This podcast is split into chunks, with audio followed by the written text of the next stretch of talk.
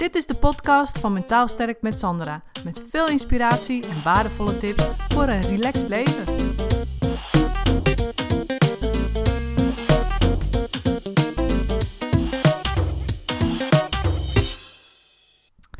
Als psycholoog ben ik uh, opgevoed, tussen aanhalingstekens, met het idee dat je mensen uh, ja, moet diagnosticeren. Dus dat je een labeltje op ze moet plakken, een etiketje.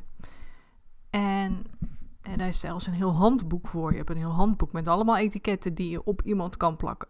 Eh, bijvoorbeeld depressief of uh, schizofreen of uh, nou, al die dingen. En dan heb je weer hele, allerlei verschillende onderverdelingen ook weer in. Want ja, uiteindelijk is het nooit zwart of wit. Hè. Er zijn ook weer verschillende andere soorten problemen of persoonlijkheidsstoornissen mogelijk die dan net eventjes iets meer tegen een andere stoornis aanhangen en dan krijg je daar weer een combinatie van enzovoort. Nou, dat is een heel dik uh, boek en daar kun, je, daar kun je hartstikke leuk mee aan de slag. Maar ik had daar eigenlijk direct al niks mee, want ik vind het niet meer en minder dan een etiket, een label wat je opgeplakt krijgt. En soms kan het heel, heel erg helpen dat je dat label krijgt. Weet je, als je ja, bijvoorbeeld ADHD hebt of ADD en je komt daar op een gegeven moment achter doordat je getest wordt en hè, de uitslag is dan van nou je hebt ADHD of ADD, dan kan dat heel erg gunstig zijn omdat je dan helderheid hebt voor jezelf. Dat je denkt, hé hey, weet je, dus daarom doe ik dit of daarom doe ik dat. En dan geeft het heel veel helderheid. Maar het kan ook tegen je gaan werken dat het, als je het weet, dat je je dan ja, in een soort van hokje gestopt voelt. En dat je je dan anders voelt. En dat je dan denkt, oeh, ik heb dit. Dus dat je er dan juist naar gaat handelen. En dat vind ik echt een hele kwalijke zaak. Dus vaak zijn etiketten, labels of misschien wel zelfetiketten die je ook hebt schadelijker dan wat er werkelijk aan de hand is. Dus als jij bijvoorbeeld tegen jezelf zegt: Ja, maar ik ben al eenmaal perfectionist. of ik ben al eenmaal iemand die altijd voor anderen klaar staat. dan, ja, wat gebeurt er dan? Dan ga je daar ook naar handelen. En het is dus ook meteen een excuus om niet te hoeven veranderen. Want ja, je bent nu eenmaal zo. En dat is gewoon, weet je, kan heel erg tegen je gaan werken. Dus bedenk eens voor jezelf heel goed van wat zeg je altijd over jezelf? Of wie zeg je die je bent? Of waar verontschuldig je je misschien wel mee? Zo van, ja, maar ik ben nou iemand ja, die, die nou eenmaal onzeker is, dus daarom durf ik dat niet. Of ik ben nou eenmaal iemand die stil is, dus daarom zeg ik weinig. En ja, als je dat hardop zegt tegen anderen of tegen jezelf, dan ga je daar natuurlijk ook naar handelen. En natuurlijk zijn er dingen die je van nature hebt. Je bent bijvoorbeeld van nature iets meer introvert of extravert. Maar dat wil niet zeggen dat je dan als je introvert bent, altijd maar stil moet zijn. En als zodra je tegen jezelf gaat zeggen, ja, ik ben, e ik ben nu eenmaal een introvert en daarom ben ik stil, dan ga je dus ook naar handelen. Het is niet zo dat alle introverten altijd stil zijn en teruggetrokken in een hoekje zitten. Er zijn ook introverte mensen die gewoon een baan hebben en uh, mensen om zich heen en noem maar op. Weet je, dus het, het is nooit zwart-wit. Het is nooit helemaal introvert of helemaal extravert. Het is altijd wat we dan noemen een geleidende schaal, weet je. Het is, ja, ehm, wat ik zeg, je zit er nooit helemaal in het uiterste. En ik heb, ik laatste had ik ook zoiets van, weet je, ik wil gewoon zijn. En zonder etiketten. En ja, ik zit nu heel erg ook weer sinds uh, dat, het, dat de wintertijd is begonnen. Het is nu uh, november. En de wintertijd is uh, kijken, twee weekenden geleden is die ingegaan. En de wintertijd is voor mij altijd heel bijzonder, want dan voel ik me altijd veel energieker. En ik heb het dus opgezocht, hè, een keer van hoe zit het nou met die wintertijd. En uh, nou ja, het blijkt dus dat de wintertijd is de echte tijd. En er is nu ook, het is nu 2018, is er een discussie gaande over of de wintertijd of de zomertijd afgeschaft moet worden. Nou, de zomertijd is niet de echte tijd. En ik merk ook altijd dat in de zomertijd heb ik gewoon veel minder energie. En weet je, ik, ik was nooit zo van, oh, maar dat komt daardoor of daardoor. Maar ik, ik geloof daar nu wel in. Ook omdat ik het voel. Ik merk het gewoon aan mezelf. Nu die wintertijd terug is, voel ik mezelf veel energieker. En dan sta ik makkelijker op. En Ja, of het nu komt doordat ik me dat zelf wijs maak, of dat het echt te maken heeft met die, die interne biologische klok. Het zal wel een combinatie van beide zijn. Maar ik voel me in ieder geval veel energieker. En dat heeft ook tot gevolg dat ik over het algemeen ook veel vrolijker ben. En uh, ja, dat, ik was altijd al wel bezig met dansen en muziek hoor. Het was niet helemaal dat ik depressief ben in, de zomer, absoluut niet. Maar voel me gewoon wel, voel me gewoon dan gewoon sneller vermoeid. En ik heb natuurlijk ontzettend belangrijke keuzes gemaakt in mijn leven, waardoor ik sowieso over het algemeen uh, geheel genomen veel meer energie heb en heel anders in het leven sta. Maar er is net nog eventjes iets wat beter kan. En dat is dus die wintertijd. En als ik dan even terugkom op dat zelfetiket en op dat zijn, ik merk nu gewoon dat ik gewoon door die wintertijd, of, nou ja, of doordat ik het mezelf wijs maak, maar maakt niet uit, het voelt gewoon zo, dat ik veel meer ook ga zijn. En zonder dat ik mezelf dus een etiket opplak. Want ja, nu, kijk, dat deed ik ook altijd al hoor. Als ik bijvoorbeeld de hond zie of de kat zie, dan roep ik gekke dingen tegen die kat of die hond, weet je wel. En uh, zo van, uh, zo van uh, nou ja, ik durf het nog geen eens te zeggen, want het zijn echt hele idiote dingen.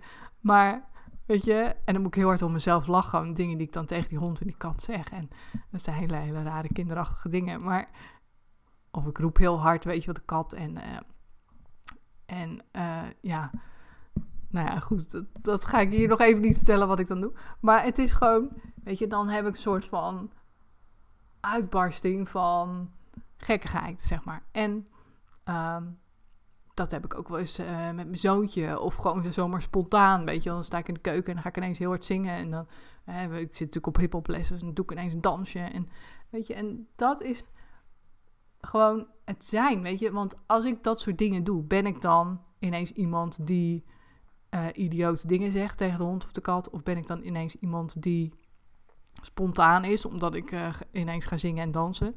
Hè, ben ik dan, of als ik s'avonds moe op de bank zit, in de zomer bijvoorbeeld, ben ik dan iemand die snel moe is? Weet je? Zo kun je jezelf de hele dag door honderden etiketten opplakken. En dat helpt allemaal niet. Dus ik ga gewoon voor het zijn. Weet je?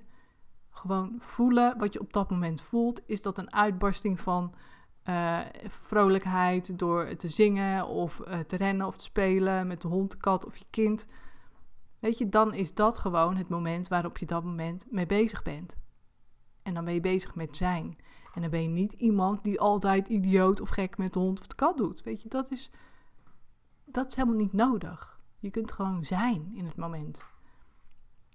En wat het dan ook op dat moment is, is het positief of negatief, is ook weer een label natuurlijk. Dan kun je ook weer zelf een label op plakken. Als ik s'avonds moe op de bank zit, kan ik dat, uh, kan ik wel tegen mezelf zeggen: Oké, ik voel me nu moe, dit is hoe ik nu ben, dit is het zijn op dit moment, het moe zijn. En dan kan ik dat ook weer een label positief of negatief geven. Maar ja, help ik me daar mezelf mee verder? Nee, want dan ga ik mezelf toch weer negatiever voelen. Dus ook als het niet positief vrolijk is, dan weet je, is het ook gewoon zijn. En is het ook gewoon goed wat er op dat moment is. En hoe je op dat moment in het leven staat. En hoeft ook geen etiket op van positief of negatief. Het is gewoon zo even zoals het is op dat moment.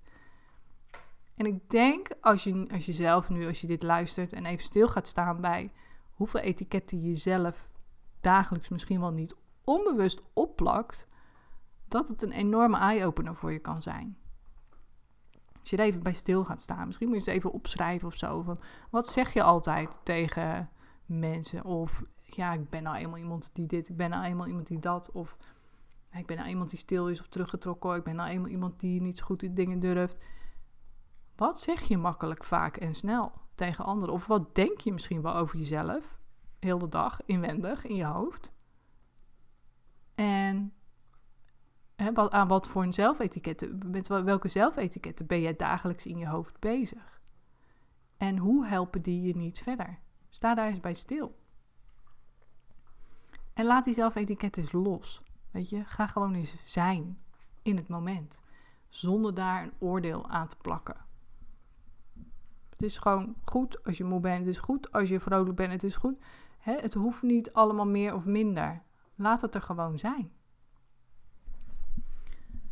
Dus ja, dat, uh, ik denk dat dat heel belangrijk is dat je daarbij stil gaat staan. Want alle zelfetiketten, of nu een zelfetiket is of een label wat je hebt gekregen of vanuit, de, de, vanuit hulpverleners, vanuit misschien psychiater of andere psychologen.